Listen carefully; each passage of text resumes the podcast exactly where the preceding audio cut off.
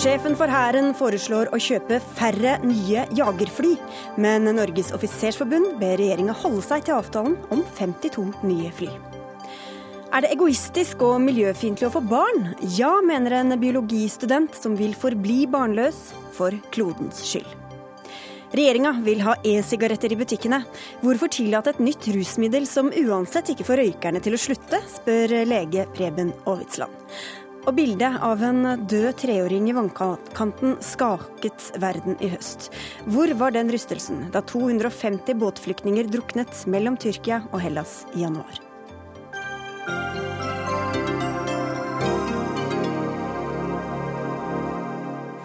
Dette er bare noen av sakene i ukas første Dagsnytt 18 i NRK P2 og på NRK2. Jeg heter Sigrid Solund. Og akkurat nå går generalinspektøren for Hæren på scenen i Oslo Militære Samfunn og ber Norge vurdere å kjøpe inn færre nye jagerfly enn tidligere avtalt. Generalmajor Odin Johannessen mener ressursene i Forsvaret må fordeles annerledes hvis det ikke skal gå alvorlig utover bl.a. hans egen forsvarsgren. Dermed bør vi revurdere de 52 kampflyene til 70 milliarder, sa han til NRK før han gikk på talerstolen. Kjøp av nye jagerfly er viktig. Eh, men i eh, behovet for å ha et balansert og fleksibelt forsvar, så hjelper det ikke bare med jagerfly. Og Det er derfor jeg også har sagt at uh, i arbeidet med å holde oss med et fleksibelt og balansert forsvar, så må vi kunne også diskutere antallet jagerfly. Som kanskje bør reduseres? Ja, det ligger implisitt i det hele. Det kan jo skape litt politisk motstand? Det har vært et prestisjeprosjekt? Jo, men uh, det jeg sier ligger fullt innenfor forsvarssjefens fagmilitære råd, der han også beskriver denne løsningen knyttet eh, til en videreføring av dagens nivå på Forsvaret. Ja, Det sa altså Odin Johannessen til reporter Eirik Veum. Torbjørn Bongo, du er nestleder i Norges offisersforbund, og du er uenig i dette budskapet når det gjelder kampflyene. Hvorfor det? Ja, Å kutte antall jagerfly bør ikke, må ikke bli løsninga på Forsvarets utfordring. Og Det er tre hovedgrunner til det. Kutter vi antall jagerfly med 20% så kutter vi ikke kostnadene like mye. Vi kutter kanskje dem bare totalt 5 det å investere de første ti flyene er dyrt. Da er det lurt å investere de ti neste. Nummer to det er det at når vi i forrige langtidsplan landa på at vi skal ha 52 fly, så var det ut fra en behovsvurdering. Bl.a. med hensyn til hvilken trussel vi står overfor, og spesielt i forhold til Russland. Når vi opplever at Russland øker antall jagerfly, så blir det feil at vi skal ta ned antall jagerfly på vår side. Og Den største eh, utfordringa, den tredje tingen, at det, det, som er problemet her, er ikke om vi bør ha det ene eller det andre, det er om vi har penger til begge deler. Og, men det generelle hærsjefen sier, skal vi ta på størst alvor. Og det er egentlig litt oppsiktsvekkende, det han er ute og sier nå. Ja, hvor bekymra eh, blir du for det han sier, eller, eller, forstår du hans bekymring, for å spørre annerledes? Ja da, det forstår jeg. Jeg forstår hans bekymring. Men når jeg sier at det er oppsiktsvekkende, mm. så er det fordi at det, det rådet forsvarssjefen la frem før jul, burde ikke bekymre hærsjefen. For Der kommer Hæren egentlig styrka ut og bedre ut. Eh, forsvarssjefen foreslo også å videreføre antall jagerfly på det nivået som vi har i dag, 52 fly. Så når hærsjefen nå har behov for å gå ut og advare mot kutt i Hæren, så må det være fordi at han har oppfatta signaler i det arbeidet som går nå med langtidsplanen, om kutt som forsvarssjefen ikke har anbefalt. Det igjen bør bekymre de som er opptatt av forsvarspolitikken. For det tyder på at regjeringa har tenkt å legge til grunn en, et forsvarsbudsjett en ny, i langtidsplan som medfører enda lavere nivå enn det forsvarssjefen gikk ut. I dag har vi altså et forsvarsbudsjett på 1,5% av BNP. Selv forsvarssjefens anbefaling i høst medførte at nivået ville synke til 1,1-1,2. Og da vet vi at Nato-målsettinga er på 2% Så den største utfordringa vi mangler penger, vi mangler finansiering til Forsvaret. Forsvarsdepartementet ville ikke komme her i dag. Det, også Høyre, Arbeiderpartiet og Fremskrittspartiet har vi forsøkt å få hit uten, uh, uten hell. Men Snorre Valen, nestleder i SV, dere vedtok jo på landsmøtet deres med knapt flertall i fjor å stanse dette kjøpet. Vil du skrote hele avtalen? I praksis blir det vanskelig når 16 eh, fly allerede er bestilt. Eh, men vi bør i det minste redusere antall fly så mye vi kan. og Det er av flere grunner. For det første så blir flyene dyrere om dollarkursen holder seg så høyt som nå. For det andre så mener ikke vi at vi trenger så mye som 48 fly pluss fire treningsfly. Og det eh, er jo forsvarsledelsen også eh, enig i at det er mulig. Vi kan holde oss med langt færre fly og likevel ivareta suverenitetshevdelsen vår i luftrommene. For det mener vi også vi i SV er viktig. Men det siste er jo at vi trenger et balansert forsvar med en reell forsvarsevne og en reell evne til å ivareta vår territorielle integritet. Da trenger vi å styrke Sjøforsvaret, vi trenger å styrke Kystvakta, og vi trenger å styrke Hæren. Og Derfor så foreslår vi å øke budsjettene på de våpengreinene i stedet. Så der er du enig med, med hærsjefen her?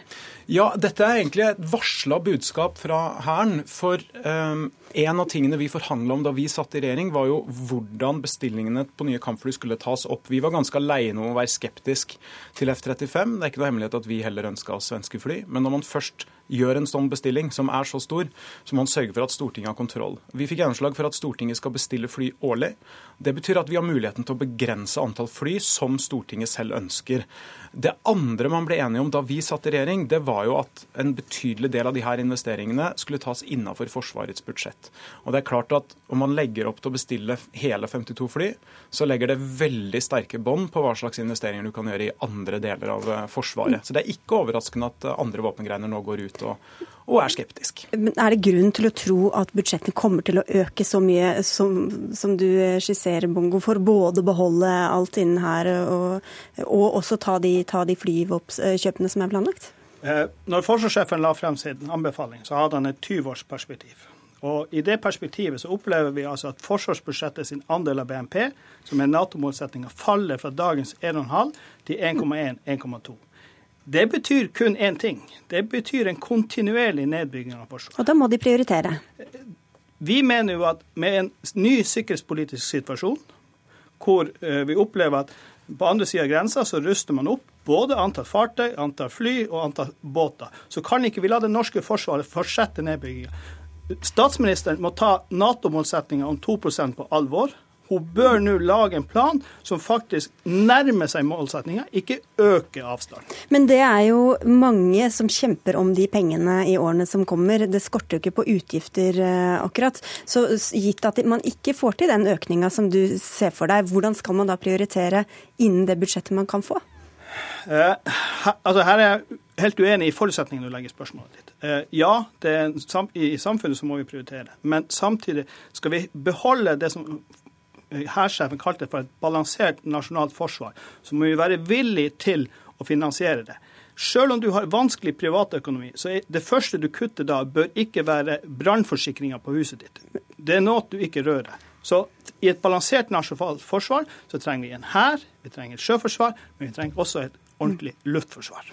Og det er jo da, det opplegget som ligger her nå, er jo da uh, gjort til den situasjonen vi står foran, Snorrevalen, som er annerledes enn det har vært de tidligere årene, og dermed behov for andre ting enn det vi hadde før. Ja, det er helt riktig. Og da er det jo uansett hvilket parti man tilhører, begrensa rom for investeringer. Uh, og det ser du jo på på regjeringas forsvarsbudsjetter også. Det er noe økning, men vi har jo f.eks.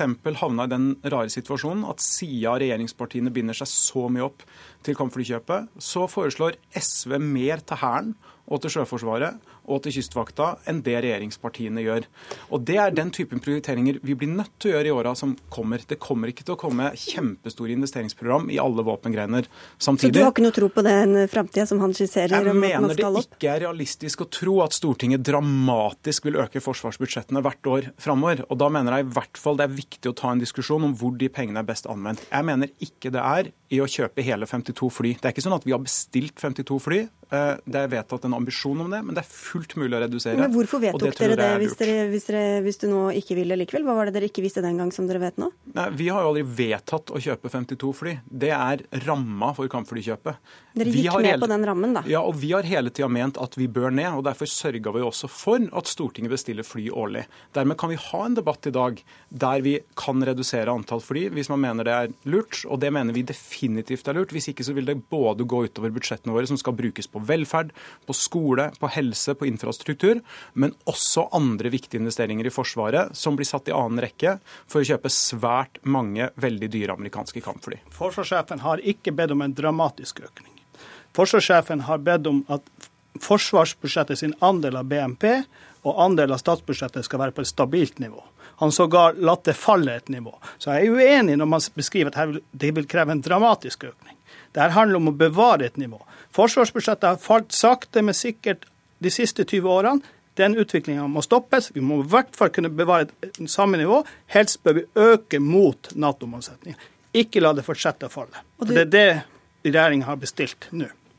Jeg tror vi i større grad må innrette forsvarspolitikken vår i åra som kommer, på reelt forsvar av nærområdene våre. Det tilsier både den sikkerhetspolitiske situasjonen og lærdommen fra utenlandseventyrene gjennom Nato de siste ja, åra. Hvor godt henger det, det, sammen, altså skepsisen mot flykjøp og skepsisen mot disse Nato-ledede operasjonene? Ja, Det henger veldig nært sammen, fordi vi i større grad bør bruke pengene på et ordentlig forsvar av våre nærområder. Gammeldags forsvar, vil noen si det. Det er ikke et gammeldags forsvar i vår verden. Er det en fornuftig forsvarspolitikk? Det som er en ufornuftig forsvarspolitikk, er å binde mesteparten av investeringene opp i en evne som ikke bare går ut på å ivareta vårt eget luftrom, men som også handler om at vi skal være så veltilpassa Nato sine doktriner som mulig. Og vi bør ha lært av de siste åras utenlandseventyr at der skal vi bruke mindre penger, og så skal vi bruke mer penger på forsvaret av våre egne territorier, samt FN-operasjoner. Og Der er faktisk forsvarssjefen litt enig med SV.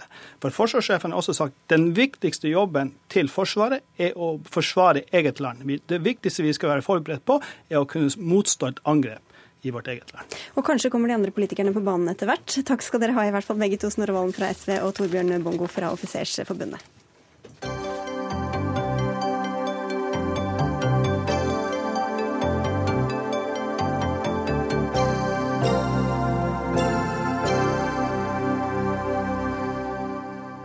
Drømmer alle unge i dag om fast jobb og eie sin egen bolig? Ikke nødvendigvis, mener direktøren i Innovasjon Norge, skal vi høre. Alle i arbeid blir ikke ensbetydende med alle i fast arbeid i framtida. Vi kommer til å ha en større miks av fast ansatte, midlertidige og frilansere framover, skriver du i bloggen din, Anita Krohn-Traaseth, du er administrerende direktør i Innovasjon Norge. Tror du at flere unge vil verdsette fleksibilitet og frihet høyere enn trygghet? Ja, altså Nå har det jo ikke blitt presentert noen tall for Norge framover. Altså, vi vet ikke. Og så er det sånn at Norge har hva da, 5,2-5,3 millioner mennesker. Det er ikke vi som er driveren her. I den presentasjonen jeg hadde på Agder-konferansen, så tok jeg utgangspunkt i utviklingen bl.a. i USA. Der er én av tre frilansere, det er 53 millioner. Der sier også eh, ulike forskningsinstitutter at når det gjelder eh, kjøp og eie av bolig, så er det sånn at under alder 35 år så er trenden blant amerikanerne nå under 35 at de heller vil leie. Og det er to årsaker. Det ene er at de har jo ikke kapital til å betale det bankene krever. Og det andre er at de også heller ikke ønsker å binde opp all kapitalen sin til å bo i et hus. Så de sier at drømmen om dette typisk klassiske amerikanske white picket fence, det er i ferd med å snu. Det betyr ikke at Og det har jeg aldri påstått, aldri vist noen tall for Norge. Ni av ti eh, i Norge har fast stilling. Vi er på høyest på toppen når det gjelder viktigheten av å eie fast bolig, også hele 83% Vi er land nummer tolv. Det jeg sier, er at la oss ikke ta disse trendene som frilansøkonomien, som delingsøkonomien, og, og på en måte strutse og si at dette kommer ikke til å ha betydning for oss. Først i 2016 satte vi delingsøkonomien på agenda. Da lærte vi oss to eksempler, Airbnb og mm. Uber. Dette er selskaper som har eksistert siden 2008 og 2009. Så det kommer enten vi vil eller ikke? Ja, men i hvilken grad dette vil påvirke norske forhold, vet vi ikke. Men la oss nå begynne å diskutere det. Og så la oss følge millennials-generasjonen. Huske, det er et stort aldersspekter fra de som er nå har jobba i arbeidslivet i 15 år, helt ned til 13-åringer. Det er et veldig stort spekter, og vi bør følge med. Og vi bør også gi den eldste delen av millennials plass i lederrommene for å være med å finne løsninger på hvordan vi mm. møter dette. Som du nevnte, så var dette altså et budskap du kom med på Agder-konferansen i forrige uke, og da var det flere som reagerte. Mm, også, eh, også du, Nicolas Wilkinson, du er leder i Sosialistisk eh, Ungdom. Deler du disse vurderingene om at kanskje flere ungdommer ønsker seg mer frihet, fleksibilitet framfor det Både ja og nei. Men jeg vil jo si at her sitter jo millennials-generasjonen som du vil i kontakt med. Nei, jeg, jeg gjør det. Men altså Det er derfor du er her, da. Ja, og et veldig godt eksempel, det er en drill. En drill brukes i løpet av livet som regel tolv minutter. Det er helt vilt, og så kjøper én hver. Så det at de skal begynne å dele ting, det er bra. Men så kommer denne teorien om at ungdom har lyst til å ha midlertidig usikre jobber. At vi ikke har lyst til å eie vår egen bolig. Så jeg er veldig glad for at du har moderert deg kraftig nå og sier at du faktisk ikke vet noe om hva som skjer i Norge. Da syns jeg også du burde være litt forsiktig med å snakke sånn om den framtiden som vi skal leve med. Men et viktig eksempel jeg tenker da, det er boligeiing blant ungdom i dag. Hva er trenden? Og trenden er jo faktisk at det er flere unge nå som prøver å komme seg inn på boligmarkedet, selv om prisene er så høye. Jeg kjøpte selv nå, jeg tegna kontrakt i dag på min nye bolig. Takk. Eh, Og som veldig mange andre så må jeg nå kjøpe sammen med min mor. Jeg er så heldig at jeg har en som kan gå inn med lånet sammen med meg. For det er ingen av oss som klarer det selv. Så vi, altså ungdomsgenerasjonen nå, vi har så lyst til å eie vår egen bolig at vi må kjøpe sammen, flytte inn i praksis, nesten. Eh, Eller skal jo ikke bo sammen, men likevel. Altså kjøpe leilighet sammen med mor igjen. Ja. Så lyst har vi på bolig. Så hvor i all verden har du disse tallene fra om at vi ikke vil eie? For hele samfunnet i Norge er jo basert på det at vi skal eie vår egen eh, en bolig og, og ha fast jobb. Så hvor, hvor mye kan du egentlig generalisere ut fra Altså, disse trendene vi har hatt 44 år i Norge med en veldig god vekst. Vi har hatt veldig stor fokus og viktighet på at vi skal eie. Vi har hatt en helt annen økonomisk situasjon enn veldig mange av de landene som ble påvirket av, av finanskrisen, som ikke kan sammenlignes med Norge. Det jeg sier, og det som noen hardnakka prøver å selge artikler på, er at jeg har sagt at dette er basert på norske tall. Det er, det overhodet ikke gjort. Og leser man faktisk blogginnholdet og hva som var bakgrunnen for dette, så viser jeg ikke til noen tall for Norge. Så vi vet ikke. Jeg sier vi, vi, vi må sette dette på agendaen. Og det å, det å avfeie som enkelte journalister gjør, og sier at de er mett av nøkkelord, de er mett av buzzword, det er livsfarlig nå å ikke gå inn og forstå hva frilansøkonomien vil bety for Norge. Jeg tenker for, for sosialistisk ungdom, jeg tenker for fagforening i Norge. Dette er, Aldri har det vel vært en mer gyllen tid for å rekruttere nye medlemmer hvis man også har et budskap som attraherer de som er frilansgenerasjonen. både når det gjelder eh, bolig, men også når det gjelder arbeidsliv, hva frykter du at kan være konsekvensene av dette budskapet? da? Ja, for jeg avfeier det ikke. Jeg frykter nettopp konsekvensene. For det vi ser, er jo at arbeidsgiverforeningene, NHO og nå også Innovasjon Norge, er beinharde på å påstå at folk vil tilbake til løsarbeidersamfunnet. Og jeg vil si at jeg er veldig for delingsøkonomien. Jeg skulle ønske vi lagde et delingsråd som de har gjort i Storbritannia. Vi må være pådrivere for å få det inn fort. Men spørsmålet er hvordan skal delingsøkonomien se ut? For den kan gå to veier. Vi kan gå tilbake i tid og havne tilbake til løsarbeidersamfunnet, som er det Tråseth skisserer i sin kronikk. Eller så kan vi skape en ny type økonomi, der man fortsatt har et arbeidsgiveransvar, der man har trygg, fast jobb, men der man kan organisere seg kollektivt sammen, gjerne gjennom fagforeningene, sånn at man kan gjøre disse oppdragene og ha en fast ansettelse. Men det er jo et veldig annet samfunn enn den usikre ansettelsen med leie av bolig som Tråseth skisserer. Ja, men Løsarbeidersamfunnet er jo et veldig ladet ord. Da. Men Krohn ja. hvordan, hvordan bør eh, arbeidslivet endre seg da? For hvis man skal ligge i forkant av denne utviklinga, mener du? Altså, For det første, Norge kommer aldri til å ligge i forkant av dette her. Vi ligger ikke i forkant, fordi vi er ikke kritisk masse på å være drivere for hva- å si hva blir de om, om logiske konsekvensene av det, De logiske konsekvensene tror jeg er at vi, vi får et arbeidsmarked i Norge som ikke bare er midlertidig ansatte eller fast ansatte. Jeg tror vi kommer inn med en ny gruppering som heter frilansere. De har også, jeg er helt enig med deg, eh, Nicolas, at eh, de også har et behov for en sikkerhet. Men måten de gjør det på, måten de stiller krav til fagforeningene framover, det tror jeg kommer til å se annerledes ut. Og det er jo ikke noe jeg påstår, det er det jo professorer på universitetet i London som snakker om prekariatet. Og, det, jeg tror ikke det er en fagforening i Norge som ikke har det på agendaen. Hvordan skal de attrahere de nye frilanse- frilanserne? Hvordan skal de forholde seg til delingsøkonomien? Vi har ikke noe fasit på det i Norge ennå, men at det kommer til å skje. Og, og hvor trygt tror vi det egentlig er i framtida, både i offentlig Nå omstiller vi det vi kan i etablert næringsliv. Vi automatiserer, vi ansetter ikke flere mennesker. De som mister jobben nå, kommer med liten sannsynlighet tilbake til samme industri. Da må vi, samtidig som vi bygger opp nye industrier, også lage en fleksibilitet for Og med fleksibilitet gjetter jeg at du vil si at det Ja. risikerer svekkede rettigheter for de arbeidstakerne. Jeg er veldig for fleksibilitet, men spør om hvordan. Men jeg tror også, vi må ta en liten pust i bakken her. Fordi at det høres ut som når alle skal løpe fra midlertidig jobb til midlertidig Nei, jobb. nei, nei, Det kommer ikke til å være sånn at kirurger på sykehuset blir tilkalt med en tilkallingsapp. Sant? Det, det kommer til å ha masse gode, faste jobber. Men Du Du sier nå hvordan ja. kirurger jobber Ja, der er det ikke mye faste jobber. eh, nei, nei, men du blir i hvert fall ikke tilkalt på en app. Men, du sier, men nå hører vi det at liksom vi skal fram til noe nytt. Vi skal få de nye frilanserne. Men frilansere har vi da hatt i kjempemange år. Men de skal Dette- ja. inkluderes på en annen måte. Yes, for hvordan skal vi organisere det? Uber er et veldig godt eksempel på det. De sier at alle er selvstendig næringsdrivende. Det er jo sprøyt. De jobber jo i Uber. Så det vi f.eks. mener, er at du må nå lage en ny kategori i arbeidsmiljøloven. Der du sier at disse folka har et arbeidsgiveransvar. At Uber er ansvarlig for sine ansatte, at de har god arbeidstid, at de har skikkelig lønn.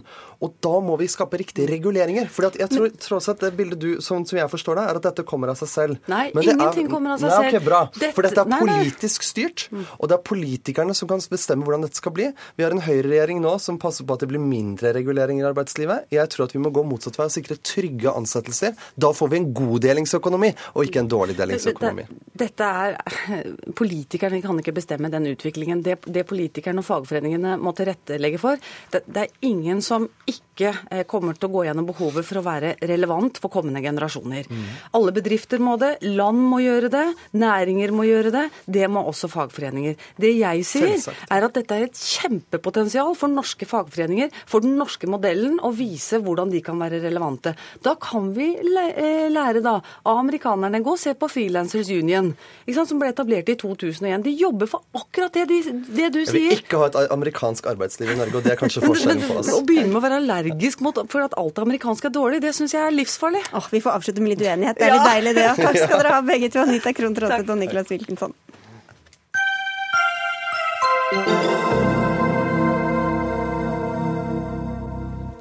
Hvis regjeringa får det som den vil, kommer e-sigaretter med nikotin til å bli tilgjengelig i norske butikker i løpet av året. I dag er det forbudt å selge produktet, og det forbudet bør ligge fast. For e-sigaretter får ikke flere til å slutte å røyke, skriver du i VG, lege Preben Aavitsland. Hvordan vet du det? Det vet jeg fordi at den samla forskninga så langt viser at eh, riktignok er e-sigaretter ganske populære blant noen røykere, men det fører ikke til at de slutter med tobakken. Eh, den samla oppsummerte forskninga viser til og med at det, det kan være omvendt. At hvis man prøver med e-sigaretter, så blir det vanskeligere å slutte å røyke. Og dette bekreftes jo i nye studier, senest for et par uker siden en ny studie fra Sveits, som viste at de som forsøkte å bli kvitt tobakken ved hjelp av e-sigaretter, de klarer det ikke. Rundt 95% mislykkes med å kvitte seg med tobakken, enten de prøver e-sigaretter eller tyggegummi med nikotin. Men kan de røyke mindre, da, selv om ikke de kvitter seg helt med den? Kanskje, men det er det heller ikke så gode holdepunkter for. Men poenget er jo at eh, hvis man vil leve lenger, så er det bare røykeslutt som hjelper. Det vet vi godt fra norske studier. Karl Erik Lund, du er forskningsleder ved eh, Folkehelseinstituttet og har forska på tobakksbruk i 30 år. Du kaller e-sigaretten for unik. Hva er det som, ved den som gjør deg så begeistra? Ja, den, eh, den er unik i den forstand at den har så høy appell til røkerne. Det er første gang i tobakkshistorien vi ser et alternativ nikotinprodukt som har den attraktiviteten, og som når frem til dette segmentet av røykere som vi ellers har veldig vanskeligheter med å nå. Nå er det jo slik at vi har tatt i bruk eh, omtrent alle virkemidler som Verdens helseorganisasjon anbefaler, og vi står igjen med en eh, gruppe røykere som er ganske vanskelig å bevege. Og nå ser vi altså selv de røykerne som egentlig ikke har lyst på å slutte å røyke, eh, de prøver e-sigarettene sånn accidentally, på en måte. Og så eh, finner de ut at ok, dette kan eh, erstatte sigarettene, og så, og så klarer de da også å redusere skadene sine. Men den forskninga som Aavitsland har trekket frem, som sier at det ikke virker, Ja. og kanskje virker mot sin hensikt? Ja, Nå vet ikke jeg hvilke oppsummeringer Aavitsland har, har lest. Um, Jeg har fulgt med på denne forskningen nå i ti år. E-sigaretten er ca. ti år. Det er skrevet masse oppsummeringer nå eh, som oppsummerer kunnskapsgrunnlaget. Og den er jo helt eh, entydig. Den viser jo at for det første at eh, man eh, får eh, høyere lyst på å slutte å røyke når man går på, på e-sigaretter. Eh, eh, det, det mildner abstinenseffektene. Um, og det gir også en effekt. Men altså, det beste her er at den da kommer inn i et segment av røykere som vi ellers ikke når. Men har vi studier som viser helt klart at den hjelper folk i å slutte slutte å røyke? Vi har eh, studier på tidlige generasjon e-sigaretter. De deponerte nikotin veldig dårlig. Det var eh, ganske dårlige e-sigaretter med mye lekkasje osv. De var ikke veldig populære. De ga omtrent den samme effekten som nikotinlegemidlene. Eh, men nye generasjoner av e-sigarettene ser ut til å ha mye mer lovende resultater. Hvorfor holder ikke det for deg, Ovitsland? Vel, hvis det er sånn som Lund påstår her, at eh, e-sigaretter er så populære, at de får mindre abstinens, og det har god appell til, til røykerne, da vil man jo lett kunne vise i en studie da at eh, røykerne slutter med tobakk ved hjelp av e-sigaretter. Men sånne studier foreligger ikke. Og Lund, du er jo, du er jo forskningsleder på, på Folkehelseinstituttet. Dere har over 1000 ansatte. Dere har et budsjett på 1 milliard kroner i året. Hvorfor gjør ikke dere da en sånn studie med disse flotte, moderne e-sigarettene som du tror virker? La en skikkelig studie der dere tar 3000 røykere. La 1000 av de få disse flotte e-sigarettene. La 1000 få e-sigaretter uten nikotin, og la 1000 få ingenting. Og se åssen det går. Vi får høre, da. Jo, gjerne for meg. Hadde det vært opp til meg å disponere disse pengene, så skulle jeg gjerne gjort denne studien, gjerne sammen med deg, Preben. Men, men per i dag så er det jo lite forskning på e-sigarettene, og det er for at det står ingen kapitalsterk industri bak, sånn som oh. legemidlene gjør Nei, og tobakksindustrien gjør. Her er det jo, Dette er jo en forbrukerdrevet eh, innovasjon, disse e-sigarettene. Okay, men du sier Ovisland, at hvis det viser seg å virke, så bør vi bruke det, eller gjøre det om til et legemiddel og ha det på apoteket og ikke selge det i butikkene. Hvorfor, eh, hva er poenget med det? La, la, meg først si at eh, bak e-sigarettepidemien eh, i USA så står de vanlige tobakks industrien. Det er Philip Morris, det er British American Tobacco, som nå girer opp mm. eh, Nei, da, da, kjenner du ikke historien til e-sigarettene. Nei, men det er historien. Jeg, jeg, snakker om dagens situasjon. Dagens men, situasjon er slik at tobakksindustrien eh, har satset på disse såkalte Sigelice, de som ser ut som vanlige sigaretter. Ja, de gir ikke god effekt i røykeslutt. Det er de andre okay, Så det er noen andre typer som ikke andre, ja. Ja. Okay. Men, men, men, men tilbake til den studien, da.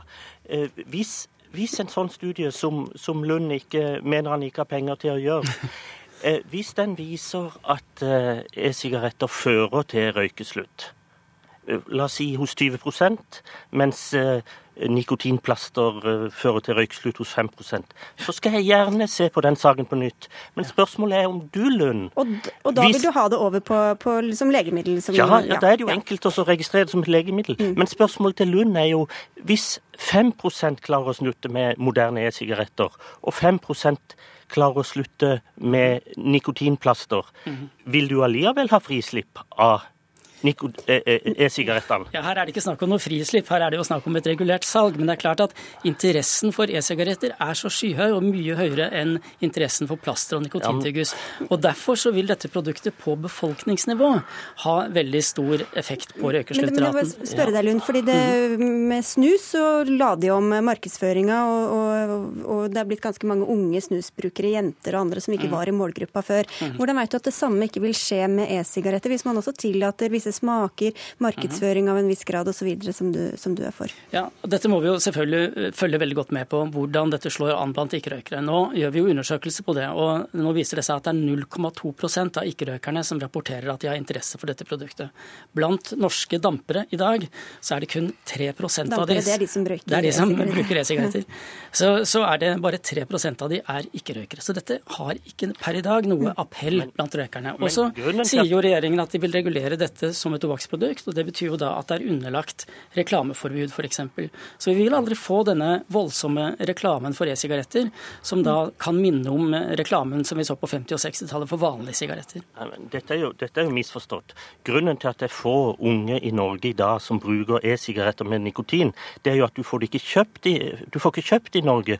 I USA, der det er fritt salg, ja. så bruker 10 av high school-ungdommer e-sigaretter med nikotin hver eneste da hver en, Ja, altså high school-ungdommer røykte jo ikke fra før. Hver eneste, hver, hver eneste dag. Men dette med reklame, ja greit, det er vel ikke noe reklame i Norge, men reklame i dag spres jo på sosiale medier. I USA er det tillatt med reklame for for e-sigaretter. Det sprer seg på Facebook, det sprer seg i filmer, det sprer seg med Twitter. Så hvordan skal du skjerme okay, norsk ungdom mot dette? Svar på det helt, helt kort. Nei, altså Jeg er jo ikke for et frislipp av e-sigaretter, sånn som Aavitsland eh, påstår, og heller ikke for fri reklame. Men jeg mener at e-sigaretter, siden det konkurrerer på nikotinmarkedet og kan ta markedsandeler fra det livsfarlige alternativet, så må det gis konkurransefortrinn. Og Jeg mener da det må være lov å kunne eh, kommunisere til forbruker at dette er et skadereduserende alternativ. Så hvis du kan gå over på dette, så vil du da redusere sjansen for Det er jo mange tusen som blir syke og som dør ja, hvert år, Aavitsland. Så hvorfor ikke gi det en sjanse? Jo, jeg vil absolutt gi det en sjanse hvis det virker. Men poenget er jo at det er jo ingenting som tyder på at det virker. At det hjelper folk å slutte. Ja, men jeg har jo lest både din kunnskapsoppsummering og den som kom i, for to uker siden. Og de tyder på at det, det er ikke noe effekt. Og derfor må dere som anbefaler dette, sørge for at det blir gjort en forskning som virkelig viser om det er noen effekt. Vi får se. Han ønsker seg pengene, men han har dem ikke akkurat tilgjengelig akkurat nå. Men helt på tampen her, fordi Aavitsland sier at det eneste som gjelder er, er røykeslutt, altså slutte fullstendig. Uten noen sammenligning for øvrig så ble vel heroin brukt til å få folk over fra kokain for 100 år siden. Hvorfor skal man erstatte en type avhengighet med en annen i det hele tatt? Nei, visjonen om det nikotinfrie samfunn, eh, den vil aldri komme til å eh, slå til. Iallfall ikke med de første tiårene her. Så det er ganske ødeleggende. Her må vi ha en mer pragmatisk inngang til til tobakksproblemet. Og vi må få disse mm, nikotin, eh, veldig nikotinavhengige røkerne over på mindre farlig eh, substitutt. Og dette forslaget fra regjeringa har altså vært ute på høring. Høringsfristen er gått ut, og nå skal de lese innspillene, så får vi se hva de kommer tilbake til å konkludere med. Takk skal dere ha, i hvert fall begge to, Preben Aavitsland og Carl Erik Lund.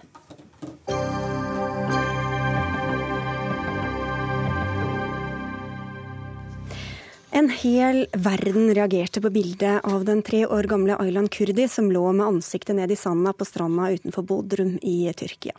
Den syriske gutten drukna i september i fjor, da båten som han og familien satt i, kantret. Men fortsatt blir druknede barn skylt opp på strendene uten at det skaper de samme reaksjonene. Det reagerer Human Rights Watch og Flyktninghjelpen på i dagens VG. Tiril eh, Skarstein, du er medierådgiver i Flyktninghjelpen, og du har vært både på Lesbos og Kios og, eh, og hjulpet til der. Januar ble altså den dødeligste måneden for disse båtflyktningene så langt. Hvor mange mistet livet i den måneden vi nettopp har lagt bak oss? Mer enn 250 mennesker, blant dem veldig mange barn, mistet eh, livet i januar. Det var den måneden hvor aller flest mennesker mistet livet på vei fra Tyrkia til Hellas. Hvor sikre er de tallene? Dette er tall fra både IOM, og som også eh, sammenfaller med tall fra FNs høykommissær for flyktninger. Så dette vet man. Dette har man oversikt over. Og rundt hvor mange barn var det som, som døde? Det vi vet er at Den siste ulykken nå, som fant sted i helga, så var det et skip som eh, gikk ned like utenfor Tyrkia. Der døde det 37 mennesker. Ti av dem var barn. Det er mange barn som kommer. Eh, rundt 30% av de flyktningene som tar seg over havet, er barn. Og de er ekstra utsatt eh, når en båt går ned. De kan ikke svømme. Eh, de er alene i havet. Hva vet man om hvor disse flyktningene kommer fra? I fjor så kom rundt halvparten fra Syria. I tillegg så kommer det ganske mange fra Afghanistan og Irak. Dette er land som er i krig og konflikt. Og hvorfor ble akkurat januar den verste måneden, eh, tror du? Vi advarte jo om dette allerede i november, at vi så at folk fortsatte å legge ut på denne farefulle reisen. Eh, på tross av at været blir verre, på tross av de store bølgene. Dette er mennesker som er i en helt desperat uh, situasjon. De ser ikke noe annet valg enn å likevel reise. Og at man da i dette været ser høyere dødstall, det, det, er på en måte noe vi kunne forvente.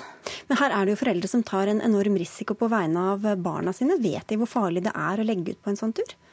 Ja, det tror jeg veldig mange av dem vet. Eh, jeg har selv snakket med familier både i Jordan og Libanon som eh, vurderte å reise. Jeg har snakket med bl.a. Eh, en syrisk familie i Libanon som hadde tre små barn. De fortalte at de ikke hadde mulighet til å jobbe. De hadde ikke tillatelse til å jobbe i Libanon. Barna hadde ikke mulighet til å gå på skolen. Nå så de ikke noen annen mulighet enn å reise mot Europa. De sa at de var redde for barna sine sitt liv.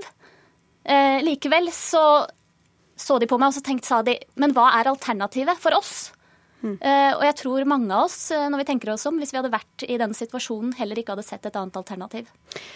Det var jo, som jeg sa, mange som ble rysta over dette bildet av den lille treåringen. Eh, nå er det Diskusjonene går på litt andre ting. Eh, hvorfor tror du engasjementet har forlatt oss for disse barna og de andre som, som drukner der?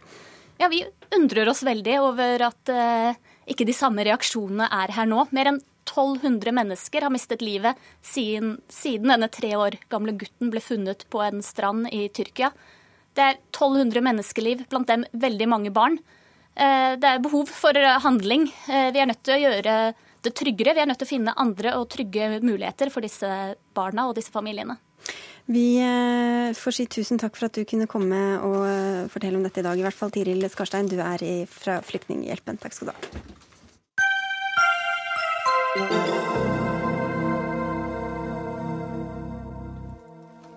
De fleste priser er det en ære å bli nominert til, ikke minst å vinne. Men ikke den prisen vi skal snakke om nå. For hvert år deler Press, som er Redd Barnas ungdomsorganisasjon, ut en pris til den aktøren som er best til å få ungdom til å føle seg verst. I år er Brun og blid Proteinfabrikken og Dagbladet nominert. Det er sjette året på rad som presset deler ut denne årets gullbarbie, som det heter. Og Karoline Steen Nylander, du er leder i Presse. Hva ser dere etter når dere skal nominere noen til denne prisen? Når vi ser etter kandidater, så ser vi etter noen som har utmerka seg gjennom hele fjoråret. Enten gjennom ekstreme seksualisering av reklame eller eh, produktet sitt, eller som spiller på ekstremt ensidige idealer, og gjerne også uoppnåelige idealer, mm. Eh, og gamle kjønnsroller.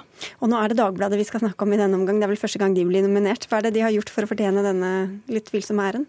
Eh, Dagbladet har blitt nominert av flere personer. De har blitt nominert tre ganger. Etter det så har de gått gjennom flere runder med, med diskusjoner hos forskjellige ungdomspanel hos oss.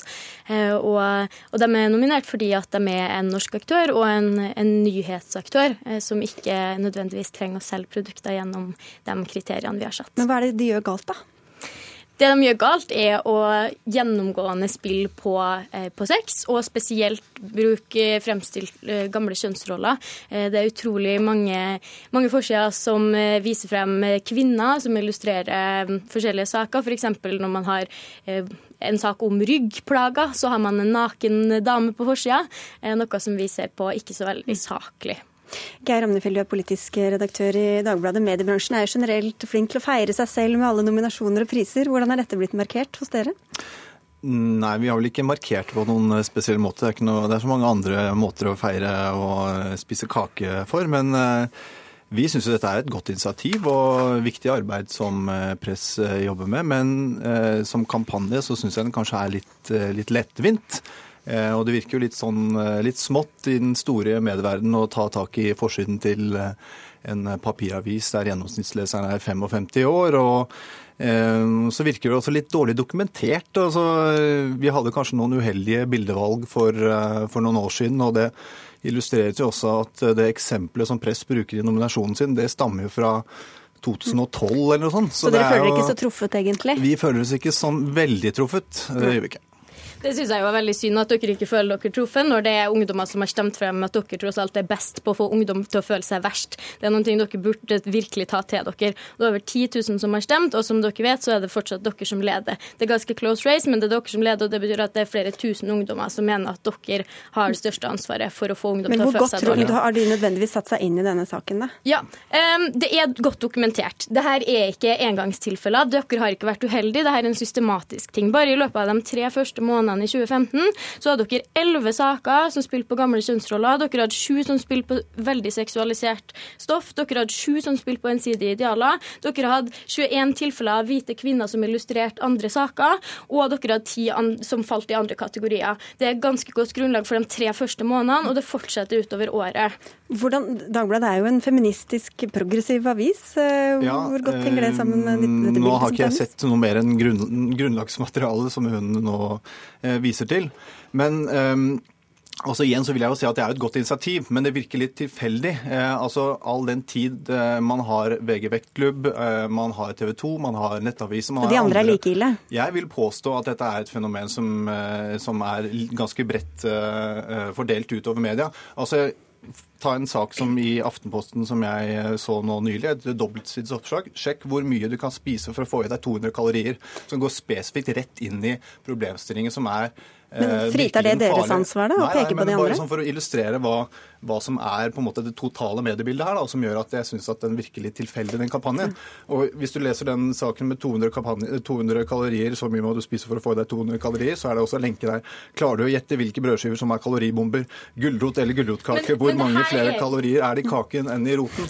Og det sier bare at liksom, dette her er et ansvar som er litt Men det kan jo Aftenposten sjøl få stå til ansvar for, men det dere er nødt til å ta ansvar for, er jo deres egne forsider. Og grunnen til Ja, at vi vi. også har kritisert dere, er fordi at dere går ganske aktivt ut med deres aviser i offentlig rom. Dere plasserer bevisst eh, avisene deres i barn sin øyehøyde, så når man går gjennom en butikk sammen med en unge, så er det helt umulig Men er de å unngå å se nødvendigvis verre enn f.eks. VG, da, som er jo hovedkonkurrenten? For det første så Grunnen til at Dagbladet er nominert, er at de er de eneste som faktisk kom inn som nominert når vi åpna for nominasjoner i vår eh, kampanje. Så det er ikke så veldig lett for oss å gå rundt og sjekke for alle andre aktører når det kun er dere som er nominert. Og det betyr jo at noen har reagert spesielt på Dagbladet.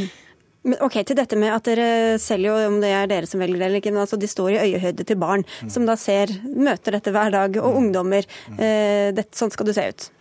Eh, ja, jeg vet ikke om det er dette jeg skriver vel ikke sånn, Vi skriver vel ikke 'sånn skal Nei, det, er se ut'? det er det bildet man ser, det er disse ja, det kan du godt kroppene si, hele tiden. men dette her er altså sånn at det at vi står i avisstativer rundt omkring i Norges land, det er jo på en måte det er sånn aviser selger seg selv eh, i, overfor publikum. Og Men hvor vi bevisst eksempel- er dere da det ansvaret dere, og det, det, det er klart at vi er bevisst eh, det ansvaret vi har som et eh, stort mediehus.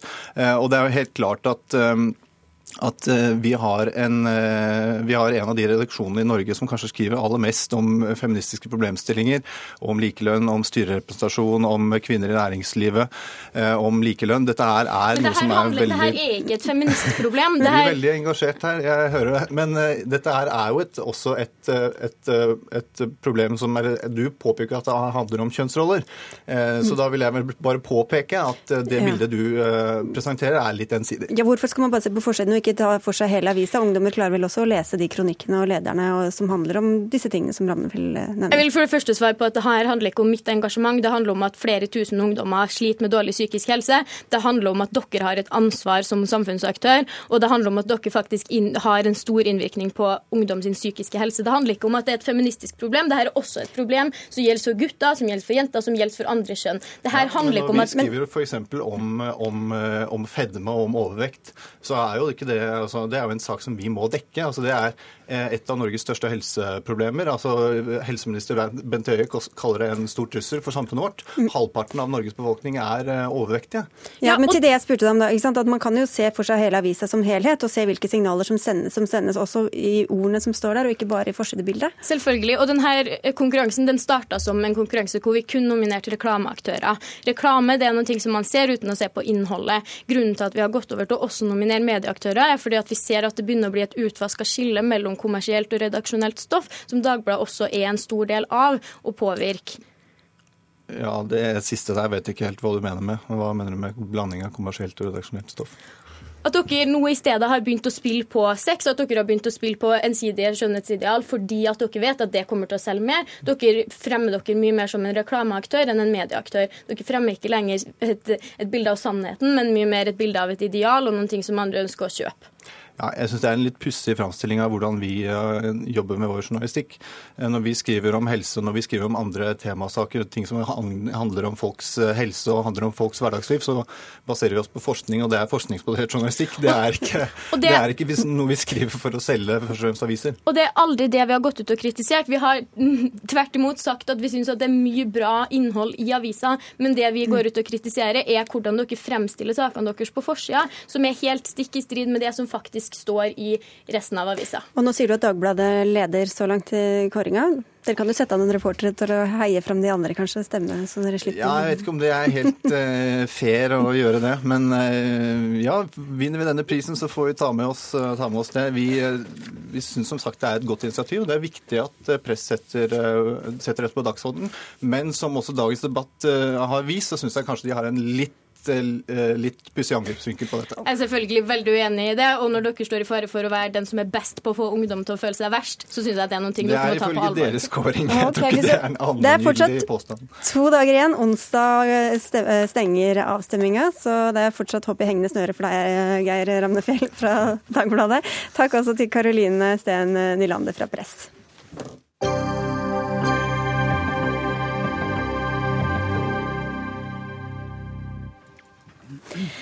Må vi få færre eller ingen barn hvis vi skal redde kloden fra overbefolkning, og dermed også enorme miljøødeleggelser? Det tok Dagens Næringsliv opp i fullt monn i helga, og intervjuet flere som mener at vi har et moralsk ansvar for å la være å få barn, så vi ikke ødelegger for de andre artene på jorda og bidrar til enda verre klimaendringer. For planeten vår klarer ikke å takle den befolkningsveksten vi ser nå, sier du Katlin Rani Hagen, du er biologistudent. Men hvordan kom du derfra til å trekke den konklusjonen om at eh, du ikke vil ha barn, og at andre også kanskje da bør avstå fra det? Jeg fant ut av det før jeg ble biologistudent, eh, for alltid vært opptatt av klima og miljø. Eh, og det er jo helt klart at det er befolkningen, eller det er antall mennesker som trykker på alt på jorda. Alle problemene på jorda. Mm. Syns du det er uansvarlig å få barn? Eh, ja, på, på to måter. Eh, for det skaper eh, store CO2-utslipp. Og hvordan kan man tørre å få barn i en verden som er helt i krise? Mm. Men I Norge er det jo et ønske om å få fødselstallene opp. Hva mm. syns du om en sånn målsetning? Det syns jeg ikke er noe bra.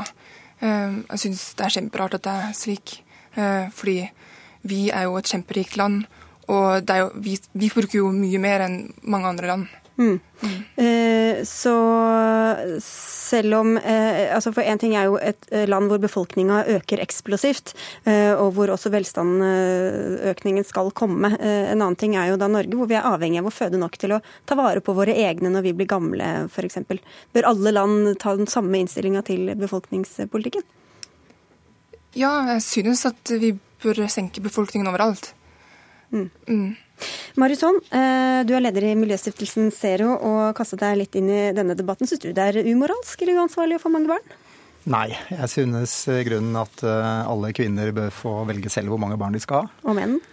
Ja, de, Det er vel først og fremst kvinnene som bør ta det valget, siden de bærer fram med barna. Men uh, utgangspunktet er at det bør være en av de frihetene som uh, som vi har i et fritt og demokratisk samfunn. At vi velger selv hvor mange barn vi vil ha. Men det som er viktig her, er jo om det er ønskelig å redusere antall barnefødsler eh, eller ikke.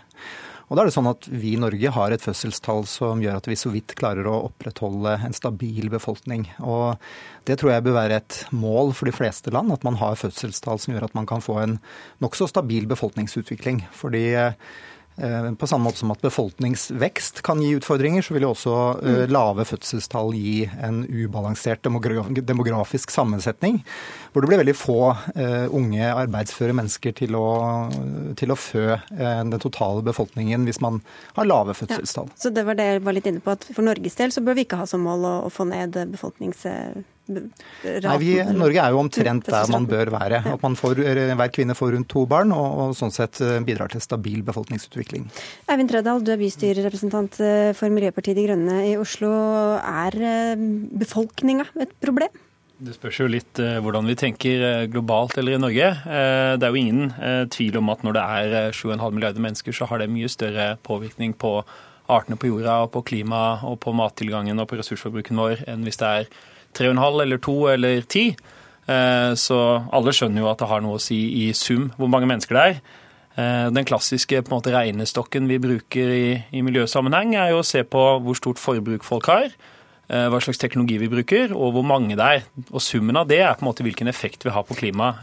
Og Noen er jo i Norge vil jeg si at de største utfordringene vi har, er jo å se på hvor stort forbruket vårt er og hva slags teknologi vi bruker. Ja, for Selv om ikke vi øker så mye, så bruker vi jo, slipper ut mye, flere, eller mye mm. mer CO2 eh, per person enn det de gjør i mange andre land. Ja, og, og Dette syns jeg er litt viktig å, å, legge vekt på. fordi I Norge så har miljøbevegelsen og Miljøpartiet De Grønne vært uh, i hovedsak opptatt av forbruk og teknologi. Og vi har kanskje ikke vært så gode til å forklare folk hvorfor. Så jeg møter ofte folk som kommer som en sånn trumfkort, at dere tør ikke snakke om overbefolkning. Og det tror jeg er viktig å forklare at Overbefolkning eh, er ikke nødvendigvis et problem i Norge, men vi snakker om overforbruk og teknologiske nyvinninger, eh, bl.a. for å begrense norske utslipp. Men Mariusson, du sier at tanken om at det er mennesket som er problemet, er økofascisme. Hva legger du i det? Ja, Det legger jeg i at man, de som ønsker å begrense antall mennesker på jorda, eh, tar til orde for å bruke ganske sterke virkemidler for å begrense antallet. Eh, metoder som vi forbinder mest med totalitære regimer som Kina og deres ettbarnpolitikk f.eks. Som jo har vært veldig bra for klimaet, da? Nei. Det, altså hvis vi ser på Kinas ettbarnspolitikk, så er den først og fremst et stort overgrep mot befolkningen i Kina, eh, og har ført til enorme eh, negative sosiale konsekvenser. Og så ser vi at at de har oppnådd en befolkningsutvikling som er omtrent den samme som land som India er i ferd med å, å få nå. Og Det som er viktig å skjønne her, er jo hvordan befolkningen i verden er sammensatt. Fordi De siste 15 årene omtrent så har det ikke vært noen stigning i antall barn på jorda. Det har stabilisert seg på rundt to milliarder. Og Grunnen til at befolkningen da fortsatt stiger, det er at folk eh, vokser opp, og, og at de generasjonene før oss som var mindre barnekull, blir erstattet av nye barnekull som er større enn de tidligere. Realiteten er nå at eh, fødselstallene i verden har gått ned fra rundt fem per kvinne til to og en halv barn per kvinne i løpet av noen tiår. Det betyr at vi nærmer oss det punktet hvor det ikke lenger er vekst. Men så er det sånn at hvis vi da stopper der, på rundt to barn per kvinne, så vil befolkningen likevel stige til 10-11 milliarder, fordi de små barnekullene fra tidligere tider dør ut og erstattes av de barnekullene som er nå. Så hvis vi, når vi nå har lykkes med å begrense fødselstallene, så har vi egentlig stabilisert befolkningen, men tregheten i systemet gjør at vi vil lande på 10-11 milliarder, og ikke de sju vi har i dag. Jeg, synes det er rart at um, Eller jeg, jeg, vil, jeg vil ikke at Eh, staten skal bestemme hvor mange barn man skal ha eh, i det hele tatt. Jeg vil at bare at regjeringen ikke skal gjøre det så lett for barn og, nei, for voksne, mm. eller for foreldre da, å få skaffe seg barn, for mennesker å skaffe seg barn. Det kan jo være sånn eh, f.eks. at man får barnetrygd for de to første barna, eller det første barnet, men ikke mer for mm. flere barn etter det. Og I tillegg så er det jo mange flere problemer enn bare klimagassutslipp med at det er mange mennesker. For at det er mange mennesker jo, gjør jo også at vi må bruke utrolig mye areal eh, på jorda. Og det er jo habitatsødeleggelse og fragmentering som ødelegger mest for biodiversiteten i verden. Ja, Ikke legge opp til at det skal komme flere barn. Her er vi også inne på det som er kjernen. ikke sant? Er det, er det antallet mennesker som er problemet, eller er det eh, måten vi driver jorda på. Eh, for å ta klimaproblemet, så er det kanskje det som er i hvert fall minst relevant å trekke frem i den sammenhengen her. For det er åpenbart sånn at verdens energiforbruk eh, kunne vært fornybart, og kommer til å bli fornybart hvis vi fører en fornuftig klimapolitikk. Men, det er det ene perspektivet. Og så er det andre, eh, så er det dette med matproduksjon. Altså, eh, De fleste store matproduksjonsområdene i verden produserer for langt under kvart maskin. Afrika er, kan mangedoble sin matproduksjon på en bærekraftig måte.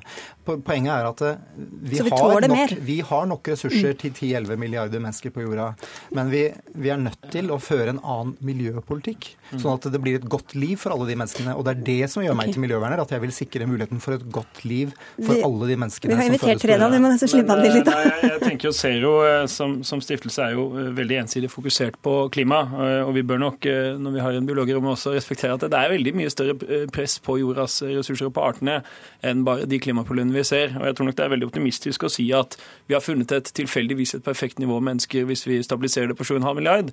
Så det er nok ennå et åpent spørsmål men, men hvor mange, med tiltak, 11. Men ja. jeg tror det er noe interessant som, som, på en måte jeg oppfatter litt i denne artikkelen og i, i Marius' reaksjon. Eh, når han kaller det fascisme, så tenker jeg at det er noe med Jeg har veldig stor respekt for kvinner og menn for den saks skyld, som selv velger å ikke få barn fordi de mener det er det beste for klimaet. Og når man på en måte, Det minner meg litt om når folk sier at de er veganere. Da sier ofte verten liksom hva i alle dager, hva mener du med det? Er du veganer? En tosk? Det er veldig provoserende når folk tar miljøriktige valg, og man blir med en gang framstilt som om man er en eller annen form for at man er autoritær, da. Men, men eh, er det ikke noe med altså Et eh, menneske, nå snakker mm. du om natur og, og avtrykk osv., men et, avhengig av hvordan man lever, da, både med tanke på natur og med klima, så kan vel et menneske ødelegge ganske mye mer enn en hel familie, avhengig av hvordan man lever og hvilke valg man tar? Ja, og I Norge så er jo problemet at vi eh, forbruker helt uhyrlig mye mer enn folk flest i verden. Du ville inn før Holm skulle slippe til her? Ja, ja um, liker ikke den der store troen på fornybar energi. For mye fornybar energi tar jo utrolig mye plass. For eksempel, Eh, ja, det er jo Ja. Mm. Um, det er jo best å bare senke ned forbruket av energi. Og Da er det veldig lett å gjøre det ved at vi ikke skal være så mange som skal forbruke denne energien. Da, Marius. da er vi altså inne på hovedproblemet. at Om det var en god løsning å begrense verdens befolkning, så er det altså det eh, praktisk talt umulig. fordi når vi kommer ned på det som er det, det bærekra robuste, bærekraftige fødselstallet, altså rundt to barn per kvinne, ja, så vil verdens befolkning stabiliseres på rundt 10-11 milliarder som følge av tregheten i systemet. Hvem er det som sier at det er det robuste, da? Hvorfor kan vi ikke ja, bli færre? Fordi, men det er jo fordi at hvis vi, nå, vil, hvis vi nå ser for oss en lang periode med lave lave fødselstall, f.eks. ett barn per, per kvinne istedenfor to, så vil man eh, om noen tiår stå der med eh, totalt fravær av arbeids, arbeidsdyktige mennesker i verden, som skal holde liv i alle de som ikke lenger er arbeidsdyktige. Det vil være kanskje større sosiale konsekvenser, eh, eller i hvert fall like store og alvorlige sosiale konsekvenser som det miljøproblemene skaper. Så her lager vi et stort problem i forsøket på å løse miljøproblemene, som ikke er spesielt eh, fruktbart. Ja, jeg sitter jo i helse- og sosialkomiteen i Oslo. Vi er jo foregangsby når det kommer til velferdsteknologi. Jeg syns det er fascinerende at Marius Holm er en så ekstrem optimist på vegne av klodens tålegrenser og naturens tålegrenser, og så veldig pessimist på hvordan vi kan klare å ta vare på eldre i framtida. Jeg tror begge de tingene kan løses med ny teknologi og med nye løsninger, men å si at det vil aldri gå an å redusere jordens befolkning på en frivillig og god måte, det tror jeg kanskje vil være litt dommedagsprofeti fra Marius sin side her, da. Men du har bestemt deg, Katrin Rani Hagen, du kommer aldri til å få barn, eller kan det være at du ombestemmer deg? Eh, nei, jeg skal ikke få barn, nei. Men adopsjon, det går jo fint. Det er noe annet. Ja, det er noe annet. Vi får si tusen takk for at du kom til Dagsnytt 18, og tusen takk også til dere to, Eivind Tredal og Marius Holm.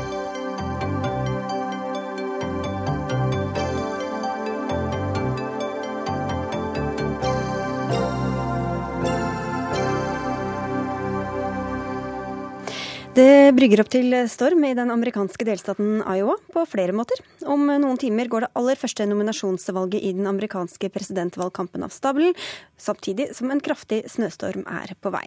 Nord-Amerikaviter og skribent på amerikanskpolitikk.no, Helene Megård. Da har vi snakket veldig lenge om den amerikanske valgkampen før den egentlig er ordentlig i gang. Hvor viktig er det som skal skje i kveld? Altså, eh, I Iowa er jo da den eh, første gangen hvor velgerne faktisk eh, avgir sin stemme. Som du er inne på, så er jo den amerikanske valgkampen et sirkus. Eh, og hittil så har man analysert da ikke bare meningsmålinger, men også støtteerklæringer fra andre partifeller, og også hvor mye penger den enkelte kandidat har eh, samlet inn. Mens nå vil da som sagt da velgerne avgi sin stemme, og vi får se da hvordan kandidaten faktisk ligger an. Og det er jo både republikanerne og demokratene som skal stemme hvis vi ser på republikanerne først. Donald Trump har holdt ledelsen veldig mye lenger enn noen egentlig kom til å gjøre, men i kveld blir det altså den første testen på om folk bare sier de skal stemme på ham, eller om de gjør det i virkeligheten. Ja, og det er kjempespennende å se om da denne, altså dette engasjementet for Trump eh, faktisk vil resultere i faktiske stemmer.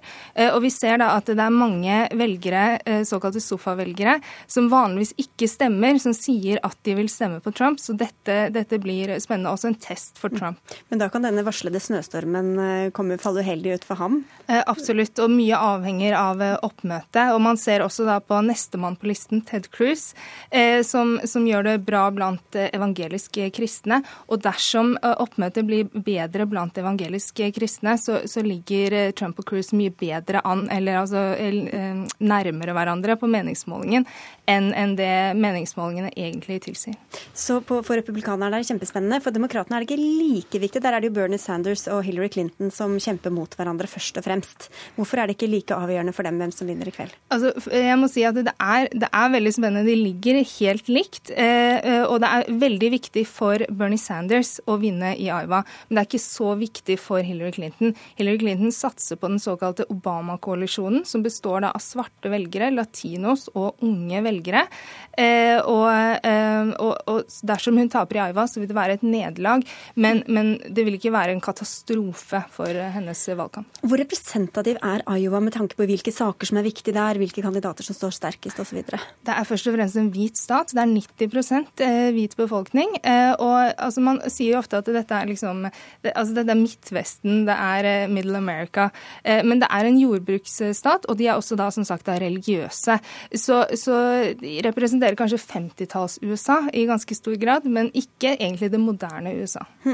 Er det noen kandidater som kanskje sier takk for seg, hvis ikke det går helt veien i kveld? Nei, for nå er det jo ikke mange dager igjen til New Hampshire, som er andre stat ut, som er da den comeback-staten, hvor man da kan Dersom du gjør det dårligere i Iowa enn forventet, så er da New Hampshire neste sjanse ut, og det er mange kandidater som nesten kun har satset på New Hampshire. Mm. Så det er ikke nødvendigvis den som vinner i dag, er den som blir presidentkandidat? Nei, Nei. tvert imot. Og fasiten kan vi våkne opp til i morgen tidlig, eller? Ja, jeg håper det. Om det ikke blir veldig mye krangling på demokratisk side, så, så vil vi ha et svar i morgen.